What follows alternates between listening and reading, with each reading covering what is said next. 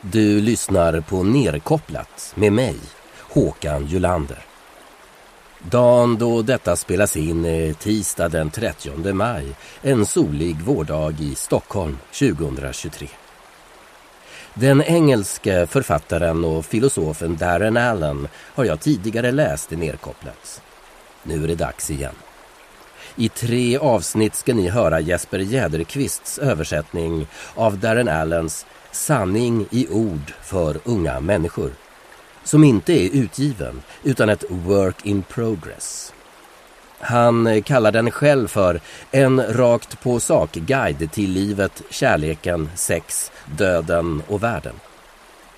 Med den här texten vill Allen samtala med de unga. Det är en text skriven för dem mellan 16 och 21 för att de bättre ska förstå och kunna ta sig an det kaos av motstridiga krafter vi kallar livet. Men detta är också en text som är väl lämpad för dig, käre lyssnare, som med stor sannolikhet är över 21 år.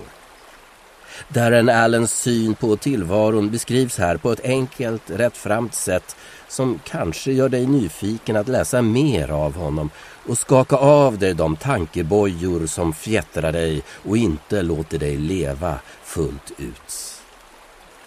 Välkommen in i Darren Allens universum och hans sanning i ord för unga människor. Del 1 av 3.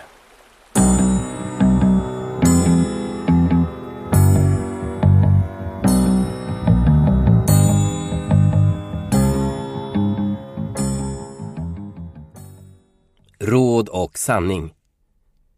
Råd är värdelösa. Du kanske har märkt det. Du har redan fått en enorm mängd av värdelösa råd. Gör det här, gör inte det där. Följ dina drömmar. Sitt mindre framför skärmen. Studera flitigt, skaffa ett bra jobb och så vidare. Vuxna kan bara inte hjälpa det. Särskilt föräldrar och lärare sprutar ur sig regler som vattenkokare sprutar ånga. Men du borde kunna förlåta dem, för du är själv minst lika dålig. Du ger dig själv hela tiden ännu mer värdelösa råd. Intalar dig att du ska bli en bättre människa. Från och med nu ska du vara mer så här, mindre så där. Det bara fortsätter och fortsätter också. Eller hur? En anledning till att råd aldrig fungerar är för att de alltid leder till en inre strid. Det som sker när du ger dig själv råd eller försöker att ändra på dig är att en del av dig ser en annan del av dig som den inte gillar och uppfinner då ett tredje framtidsjag som går att gilla och försöker bli det. Inser du hur galet detta är? Och ändå gör alla så här. Jag 1 inser att det inte gillar när jag 2 hamnar i en krånglig situation eller tappar humöret och säger då Okej, okay, jag ska vara mer som jag 3 från och med nu. Det är minst sagt knäppt. Det enda som fungerar, det enda sättet att verkligen ändra på sig är att inse sanningen. När du inser sanningen förändras du naturligt, ibland ögonblickligen. Till exempel när du inser att du pratar för mycket. Då tystnar du direkt. Du behöver inte ens försöka. Du behöver inte ge dig själv råd. Du bara håller käft. Andra saker tar längre tid. Som när du hör dig själv ljuga för att framstå som bättre. Sådana vanor är svårare att bli kvitt och då får du fortsätta att höra dig själv ljuga. Men de försvinner också så småningom. Det är ungefär samma sak med att ge råd åt andra för att försöka ändra på dem. Då och då måste du förstås vara brutalt ärlig mot dina vänner och din familj. Och väldigt, väldigt sällan måste du till och med tvinga dem till saker. Men du kan bara verkligen ändra på andra så som du också ändrar dig själv genom att se sanningen i dem. När du verkligen ger någon din uppmärksamhet, försöker att förstå dem, erkänner och bekräftar dem så förvandlas de magiskt. Eller åtminstone kan de magiskt förvandlas. Det händer inte jätteofta, men det är enda sättet det kan ske på. Problemet är att ingen gillar sanningen. Sanningen är smärtsam för alla. För att alla lever en lögn. När sanningen uppenbarar sig tas den emot med förvåning eller skräck. Vanligt folk gör allt för att slippa höra den. De kommer att undvika allt och alla som påminner dem om den. Eller så ballar de ur totalt om bara en liten hint av en antydan om sanningen når deras öron. Akademiker, lärare, journalister och präster, de som kontrollerar idéerna i världen, går häpnadsväckande långt för att dölja sanningen. För att låtsas att allting är precis som det ska vara, eller att vi är i stor fara fast vi inte är det. Att vi alla bär skuld fast vi inte gör det. Att ingen är ansvarig fast vi alla är det. Eller så låtsas de att sanningen inte existerar. Att vem som helst som nämner ordet sanning är någon sorts arrogant kultledare eller pretentiös narcissist. Det här betyder inte att du måste tala sanning jämt och ständigt. Att tala sanning kan ibland bli en sorts lögn. Ett sätt att få uppmärksamhet till exempel. Eller att såra någon. Och ibland kan såklart en liten lögn hjälpa sanningen. När du säger till din vän att hennes nya frisyr är jättesnygg. Eller när du smiter från en poänglös bestraffning i skolan eller på jobbet. Vad är det för fel med det? Inget. Alla, alltså alla, ljuger så här. Och givetvis är det ingen fara. Jag talar om viktigare saker än så här. Sanningen om ditt liv, om dina känslor, om ditt förstånd, om världen.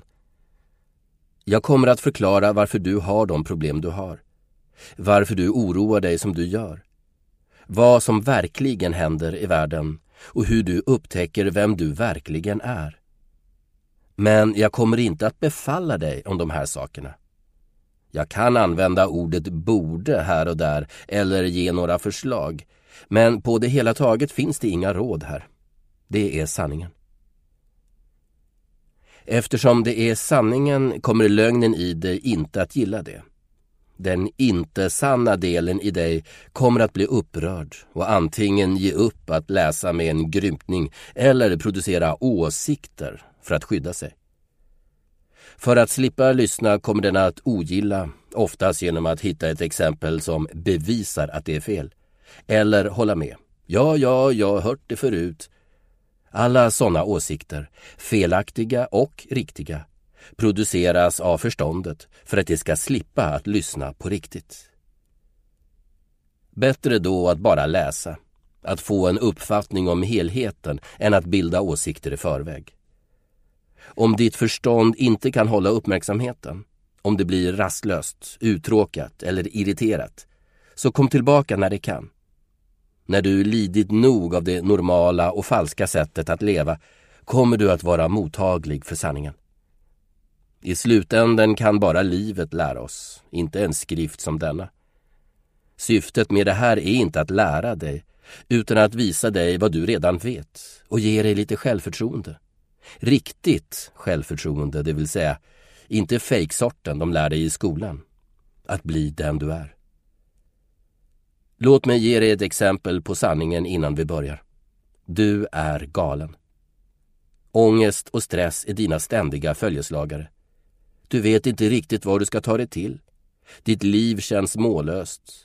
Du är beroende av droger eller dataspel eller shopping eller uppmärksamhet eller porr eller att oroa dig, vilka faktiskt är samma sak. Du har väldigt lite självkontroll. Sex verkar inte vara så underbart som det sägs. Eller om det är det så varar inte underbarheten särskilt länge. Du briserar ibland i omåttlig entusiasm men känner dig oftast olycklig eller uttråkad. Saker och ting går bra ett tag, men på något sätt slutar det alltid med att du känner dig missnöjd, otillfredsställd, frustrerad. Det goda livet verkar alltid befinna sig någon annanstans. Du kan ha gett dig själv en diagnos eller fått en diagnos av någon eller kanske fått en receptmedicin mot psykisk ohälsa. Men faktiskt är dessa bara en distraktion från din galenskap, inte problemet självt. Så vad är problemet? Att växa upp. När du var runt sju år insåg du att döden fanns, att människor dör. Och du frågade antagligen en vuxen om döden. Du kan också ha undrat varför vi existerar, eller varför någonting överhuvudtaget existerar. Du kan ha ställt frågor om universums natur eller Gud, funderat över rätt och fel, över vitsen med världen eller på skillnaden mellan kvinnor och män. Om du vågade ställa någon av dessa frågor skulle du ha gjort de vuxna du frågade förvirrade eller oroade. För väldigt få vuxna vet sanningen om dessa saker.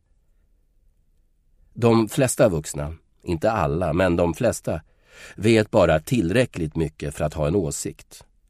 Skrapar man på ytan och tittar under åsikten så hittar man inget alls. Vilket generar och gör dem arga. När vuxna får svåra frågor av barn försöker de tysta dem eller stilla dem med ett enkelt men falskt svar. De säger saker som ”det bara är så” eller ”du kommer att förstå när du blir äldre” eller så drar de en historia som någon en gång berättat för dem, typ ”för att Gud sa så” eller ”på grund av the big bang” eller så skrattar de och säger ”Hohoho, det är lite djupt för en tisdagmorgon du” och försöker undvika frågan genom att fåna sig eller distrahera dig. I grunden behandlar vuxna barn som barn. Du har behandlats som ett barn hela ditt liv. Det är därför du fortfarande är omogen. Du var gammal nog att få höra sanningen när du var fem, men ingen berättade. Du var gammal nog att bli tillfrågad om meningsfulla saker när du var sju, men ingen frågade och du var fullt vuxen när du var 14. Men världen tyckte inte det. Det här fördröjer dig, gör dig omogen. Människor som behandlas som barn när de är barn upphör aldrig att vara det. De behandlar alla mindre mäktiga än de själva som barn. De blir kontrollerande och nedlåtande, särskilt mot sina egna barn. De blir också fjäskiga och undergivna mot sådana som är mäktigare än de själva. Kändisar, makthavare och chefer. Eller så blir de föraktfulla och vägrar lyssna till intelligensen och erfarenheten som äldre människor har. De förblir helt enkelt olyckliga barn bakom en vuxen mask. Hur sker detta då? När du var bebis och ett väldigt litet barn så var du mer känslig än du kanske någonsin kommer vara igen. Du var mirakulöst känslig för ton, vibbar och subtila känslor. Om du, som de flesta, växte upp i ett hem med människor som inte hade denna känslighet så har ditt hjärta blivit stampat på flera gånger om. Ibland omedvetet och ibland medvetet. Men det kommer att ha sårat dig och gjort dig okänslig. Precis som ärrvävnad är mindre känslig än oskadad hud. Och du kommer fortfarande att bära runt på dina ärr ditt eh, pansar, smärtan, vart än du går. Världen har ingen aning om hur den ska handskas med smärtan du bär runt på. Ingenting, alltså ingenting, som världen säger dig om denna fundamentala smärta är intelligent. Alla teorier om världen, alltså de du får höra i skolan eller ser på TV, är fel alla världens terapier, vilka försöker dämpa din smärta med mediciner eller tanklösa aktiviteter. Eller tillfredsställa den genom att tillåta dig tjata på om din hemskt jobbiga historia slutar med att de istället livnär den. Det enda sättet att ta itu med smärtan i ditt liv är att förstå den. Att vara medveten om den. Känner du den? Den brukar uppehålla sig i trakten av nacken och göra något åt den. Vi ska titta lite närmare på detta. Men det finns ett extraordinärt problem som ingen riktigt förstår eller pratar om. Det är detta. Smärtan själv är intelligent. Den är smart och slug, ibland rent briljant. Den kan dölja sig och få det den vill, det vill säga mer smärta. Och ännu mer otroligt, smärtan kallar sig själv för dig. Den har sina egna åsikter, begär och rädslor, vilka du tar för dina egna. När smärtan hör eller läser sanningen om medvetande och omedelbar handling, någonting djupare än dess åsikter, får den panik. Den blir emotionell och den avfärdar det den hör utan att lyssna. Inte du, den. Det finns ett annat ord för smärtan du bär runt på. Personlighet. Personlighet är inte karaktär. Din karaktär är du och som sådan helt unik. Den är alltid kreativ, närvarande, passionerad, generös och kärleksfull. Men i din unika stil och smak. Karaktär uppstår naturligt inifrån, av sig självt och långsamt under din livstid. Ger sig till känna eller blir funnen. Ibland blir du ganska överraskad av det du finner. Personligheten är inte unik. Den är i princip lik varje annan personlighet. Personligheten vill inte erkänna detta så den konstruerar en speciell identitet på ytan utav gillande och ogillande, vill ha och vill inte ha, förhoppningar, rädslor, minnen och en projicerad version av karaktären. I grunden förvandlar personligheten karaktär till karikatyr, en sorts psykologisk kliché. Den verkar annorlunda, unik, speciell men under ytan finns samma smärta som alla andra bär på. Samma gnällighet, våld, ångest, depression, överentusiasm, beroende, anspänning och leda. Personligheter framstår olika, men de är alla baserade på smärta och på grund av detta så lever de alla samma sorts smärtsamma liv. Har du noterat den stora skillnaden i det somliga säger med munnen och vad de säger med tonen i rösten, sin hållning och sina ögon? Folk kan säga de vänaste ord, erbjuda de vänligaste råd med en bister röst, en anklagande hållning eller med ögonen blixtrande av hat eller desperation. Folk kan säga ”jag älskar dig” med ord medan allt annat de gör säger ”jag hatar dig” eller ”jag vill äga dig”. Detta är personligheten som agerar, självisk, ängslig och våldsam, överslätad med ett stelt leende, en stel kram och fina ord. Personligheten kallar sig jag, men är inte verkligen den du är. Den är en bild eller avbildning av karaktären. Den verkar vara du men är inte du. Det är en sorts mask. Faktiskt betydde persona en gång mask. Har du lagt märke till det fruktansvärda maskliknande utseendet vissa vuxna, särskilt äldres, ansikten har? Det är personligheten i sin mest extrema och utvecklade form. Det är vad som väntar ditt ansikte om du inte tar itu med din personlighet. Personligheten är orsaken till mer eller mindre alla dina problem. Den rubbar dig ur din fulla uppmärksamhet och får dig att missa viktiga saker. Gör dig lömsk och beräknande eller får dig att glömma, förlora, ha sönder och säga saker som du sen ångrar. Den får dig att bygga upp förväntningar som sen gör dig arg när de inte infrias. Den får dig att grubbla över dina olika åkommor får dig att stelna till och bara mumla i nya situationer, vilket inkluderar de flesta konversationer.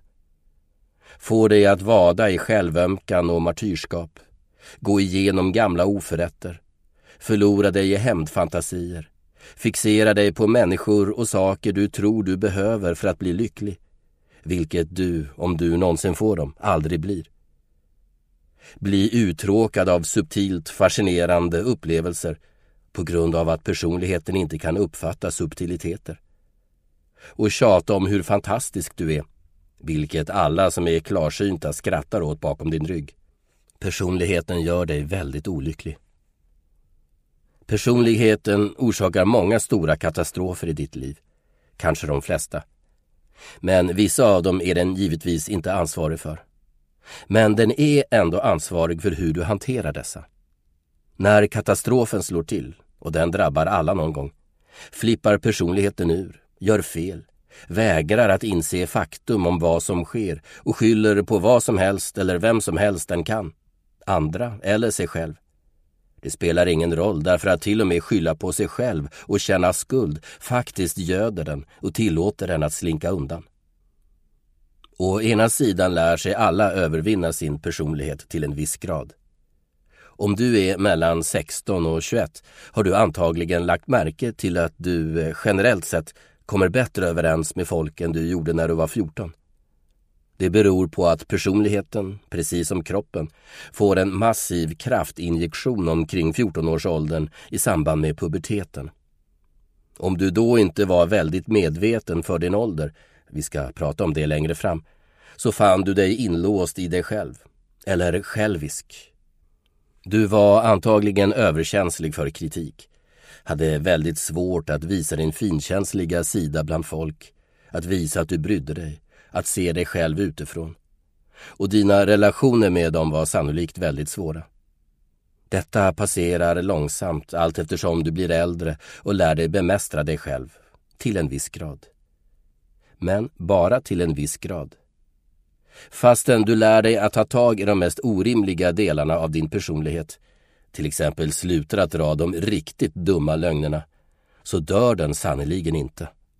Den gräver bara ner sig djupare och blir smartare. På vissa sätt mycket mer kraftfull. För många har personligheten runt 20-årsåldern nästan helt tagit över deras karaktär. Barndomens livlighet och konstighet och passion och känslighet, all den där vårdslösa entusiasmen är djupt begravd. Förr eller senare visar det sig i deras ansikten. Deras axlar tyngs ner och de dör inuti. Eller så kommer något eller någon att aktivera all den dolda smärtan och de kommer åter att känna sig exakt som de gjorde i 14-årsåldern. Obekväma, vilsna och arga. Varför gör ingen något åt det här? För att de lever inuti sina masker.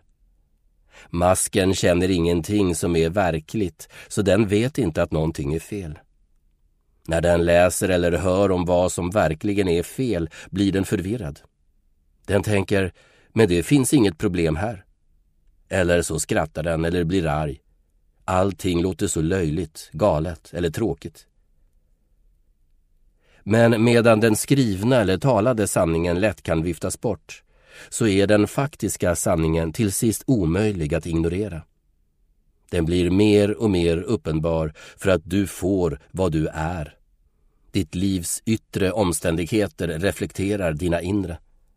Om du lever som din personlighet, arg, uttråkad, avundsjuk, spänd, frustrerad och ensam, så kommer något eller någon förr eller senare förstärka allt det där.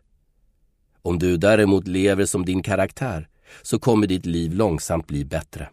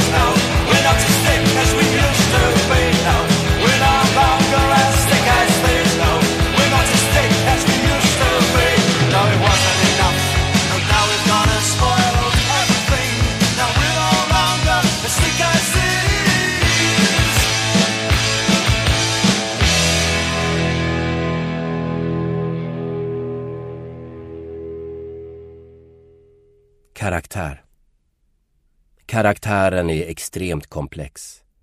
Det finns ditt förstånds karaktär, din kropps karaktär, din inre känslovärlds, din ytliga karaktär som du visar för världen och olika former av karaktär som uppvisar sig i olika sorters situationer. Varenda en av dessa världar är kolossala. Du har ingen aning om hur mycket du kan känna förrän du upplever det. Men de hålls gömda tills rätt omständigheter uppstår och aktiverar dem. Det är så du inser eller kommer till att förstå hur världen lär dig vem du är. Men såklart behöver du inte lära eller känna dig själv för att vara dig själv.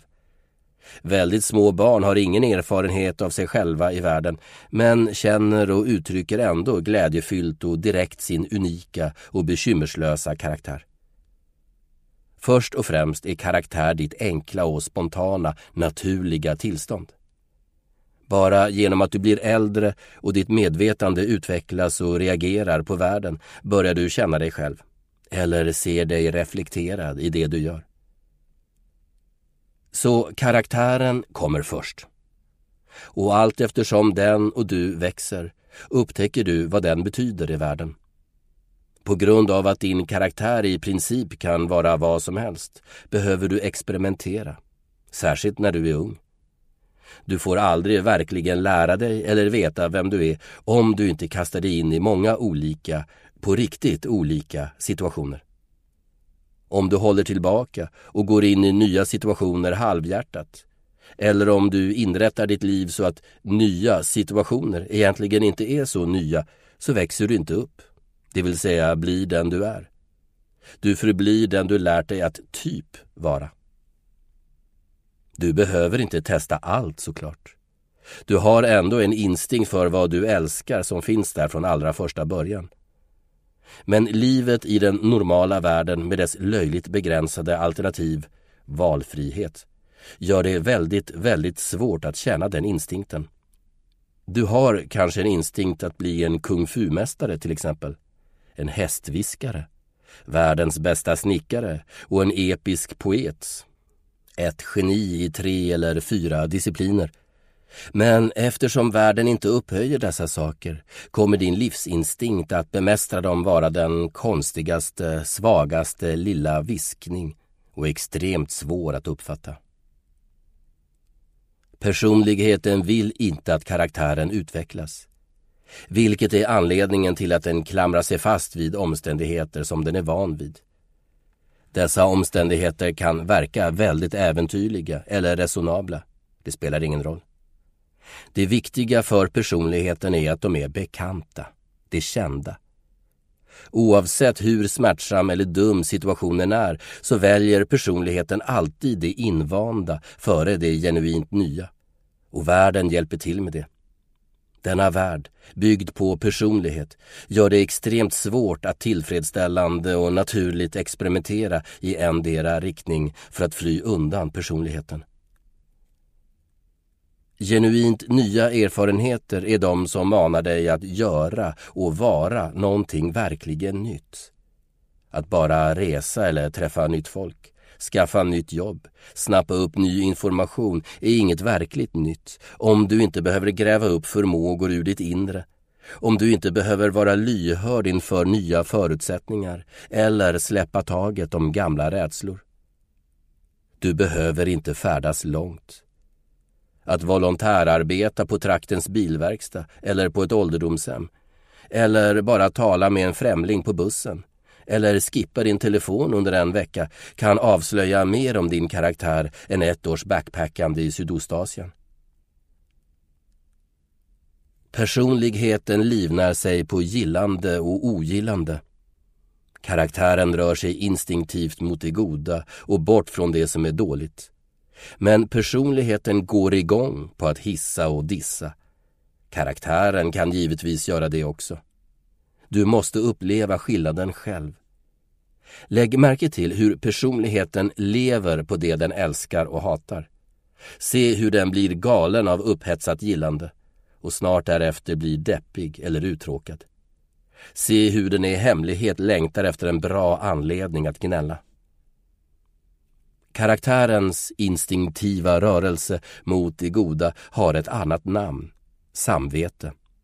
Detta är karaktärens röst. Personligheten hatar samvetet och antingen ignorerar det eller försöker förvandla det till en massa borden och måsten. Det är därför världen, som är full av personligheter, också är full av borden och måsten. Samvetet är din karaktärs försiktiga viskning om vad du behöver. Det kan säga dig att du behöver motionera mer eller att du borde låta din mamma veta att du älskar henne. Att du måste släppa din bitterhet gentemot någon som sårat dig. Att du måste sluta röka. Att du måste ge bort mer pengar. Att du måste slå av din jävla dator eller att du måste göra slut med din pojkvän. Den kanske säger dig något just nu. Men medan personligheten skriker viskar karaktären. Så länge personligheten styr dig kommer det den säger dränka dina pålitliga instinkter. Vilket betyder att du inte når någon insikt. Det fungerar en kortare tid. Så småningom förvandlas samvete till smärta. Smärtan är ett budskap från din karaktär att du måste ändra kurs. Eftersom att smärta är instruktiv kommer personligheten till varje pris försöka undvika den. Personligheten kommer att dränka smärtan.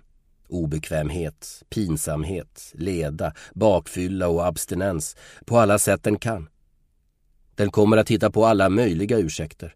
Kasta sig huvudstupa in i nöjen. Bedöva sig själv med droger. Förlora sig själv i ambitiöst arbete. Tills den blir galen. Vad säger din smärta dig? Det kan vara att du inte kan göra någonting. Att du bara måste acceptera och känna smärtan. Känner du? Då kan den inte ta sig in i ditt huvud och göra dig olycklig. Eller den kan säga åt dig att agera, att göra något, att sansat prata med någon som sårar dig eller att lämna en dålig situation. Eller att ge din gamla farsa en kram och säga att du älskar honom. Eller att ta ansvar för dina problem istället för att skylla på andra eller förlita dig på droger och andra kryckor. Vem vet? Bara du. Frågan är om du är man eller kvinna nog att göra vad ditt samvete säger dig. Se upp med det världen kallar samvete bara.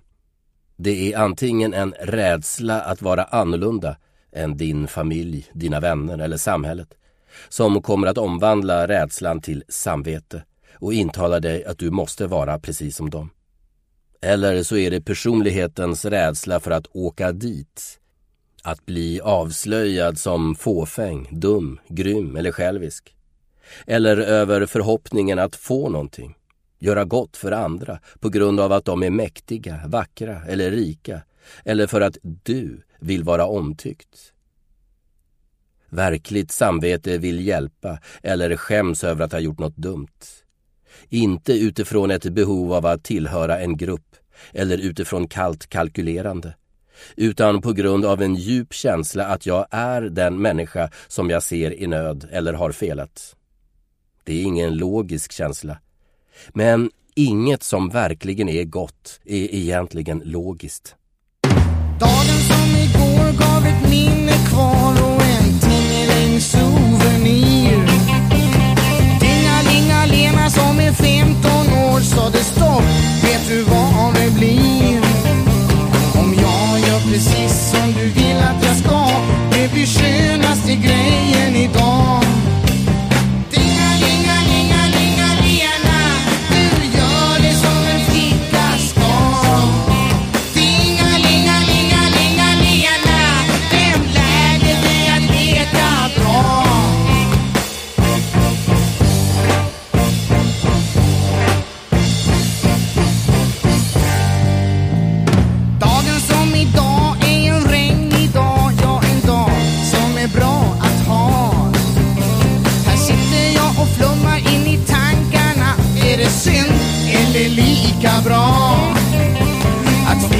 försvann som var min igår, utan minsta betydande spår.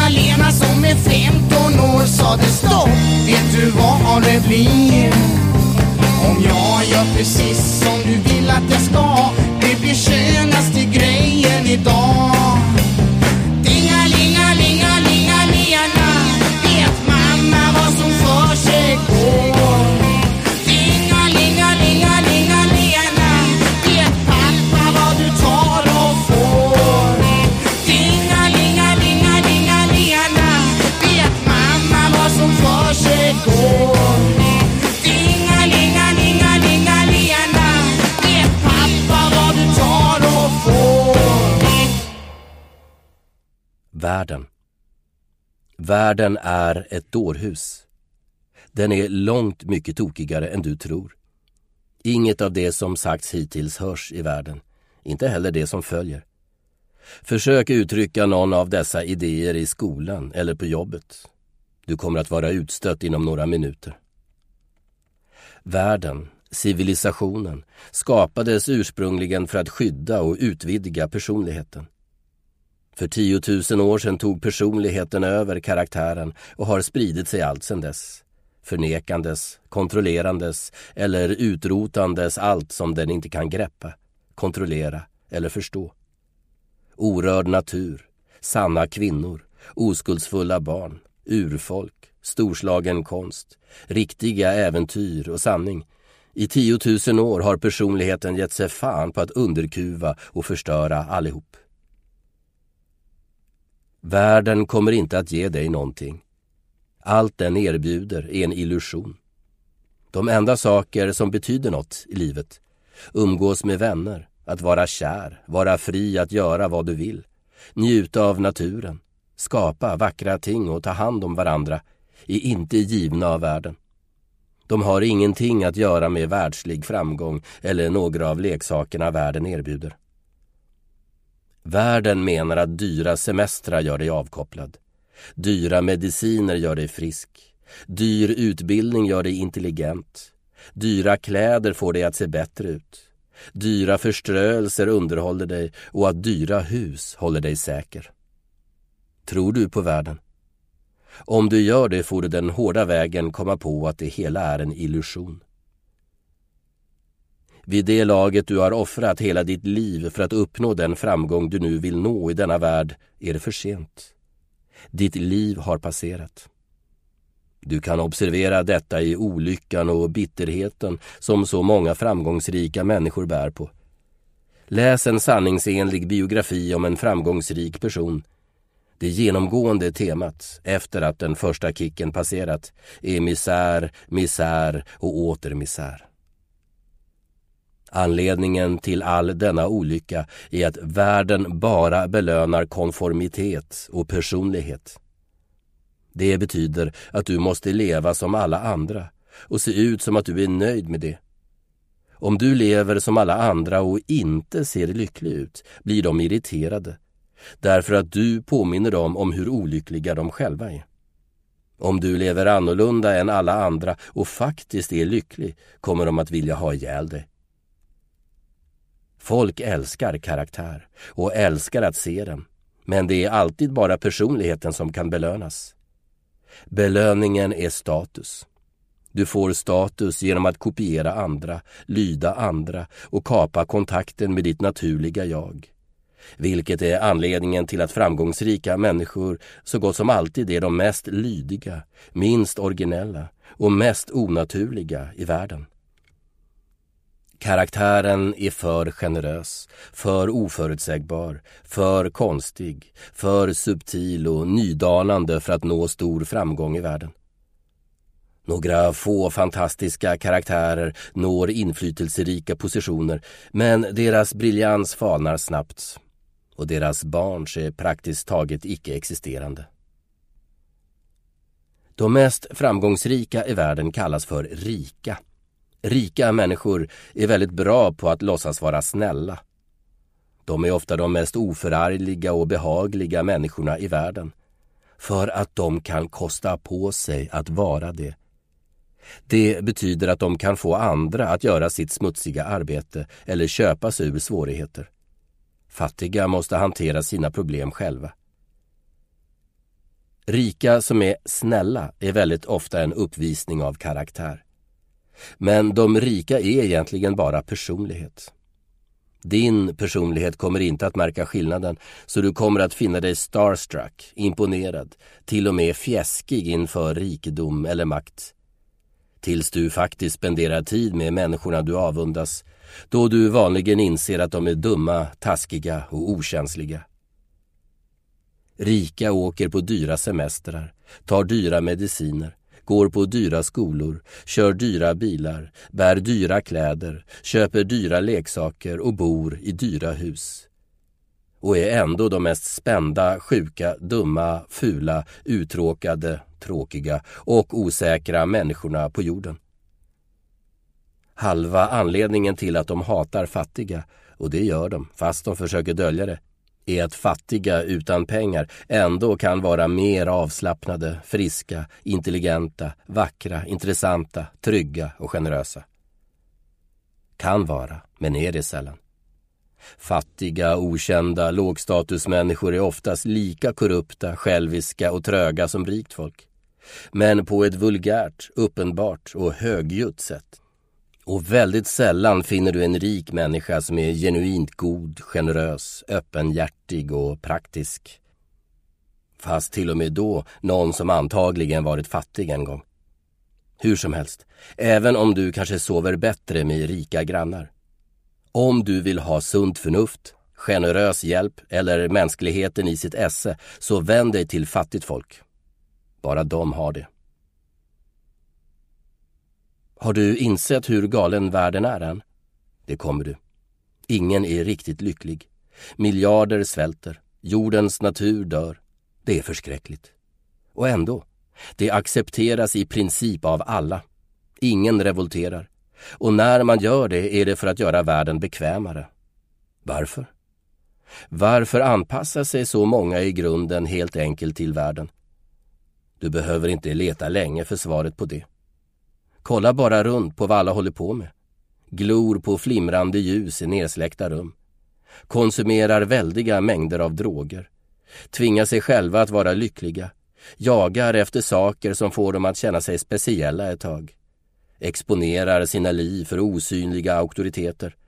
Matas överallt med budskap som säger dem att de är under hot. Att de är värdelösa. Att de är sjuka och lyder de mest puckade människorna på planeten chefer och ägare. Vad kallar vi normalt den här sortens aktivitet? Det kallas hjärntvätt. Därför revolterar ingen. Fast det går mycket djupare än så. Innan världen hjärntvättar dig så domesticerar den dig. Förvandlar dig till en hjälplös, beroende valpperson oförmögen att livnära dig själv, läka dig själv, underhålla eller ta hand om dig själv utan dess produkter, maskiner och specialister. Den fördunklar dina sinnen och gör dig ohyfsad och förutsägbar och suger din vilda frihetslängtan ur dig.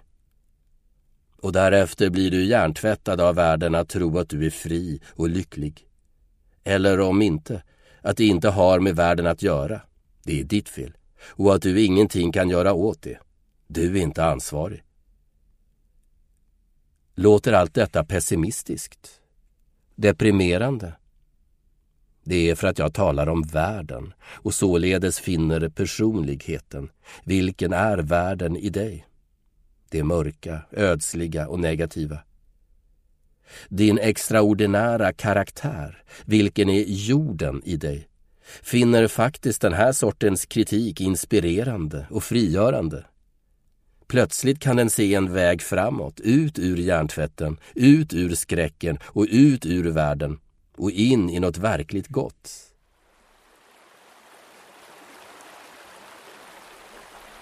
Du har lyssnat på Nerkopplat, en analog asbestsanering i ett digitalt drogrus med mig, Håkan Julander. I nästa avsnitt, del två, fortsätter Allens text med en beskrivning av oundviklig stundande kollaps. Ty allt är entropi, allt dör. Även du, käre lyssnare, även jag. Även hela den infrastruktur som gör att vi har små datalådor med oss som bevakar varje steg vi tar och samtidigt sänder ut civilisationskritiska poddar. Musiken du hörde var Thick as Thieves med världens bästa popgrupp The Jam och Dinga Linga Lena med världens bästa Pugh Rogefeldt som nyss lämnade oss levande. Tack för din musik Pugh, må den leva länge. Om en vecka kommer del två av Sanning i ord för unga människor. Stöd gärna nedkopplat. Det går att prenumerera på Substack och det finns även ett swishnummer 123 647 0694. Gå med i Gaia så hörs vi.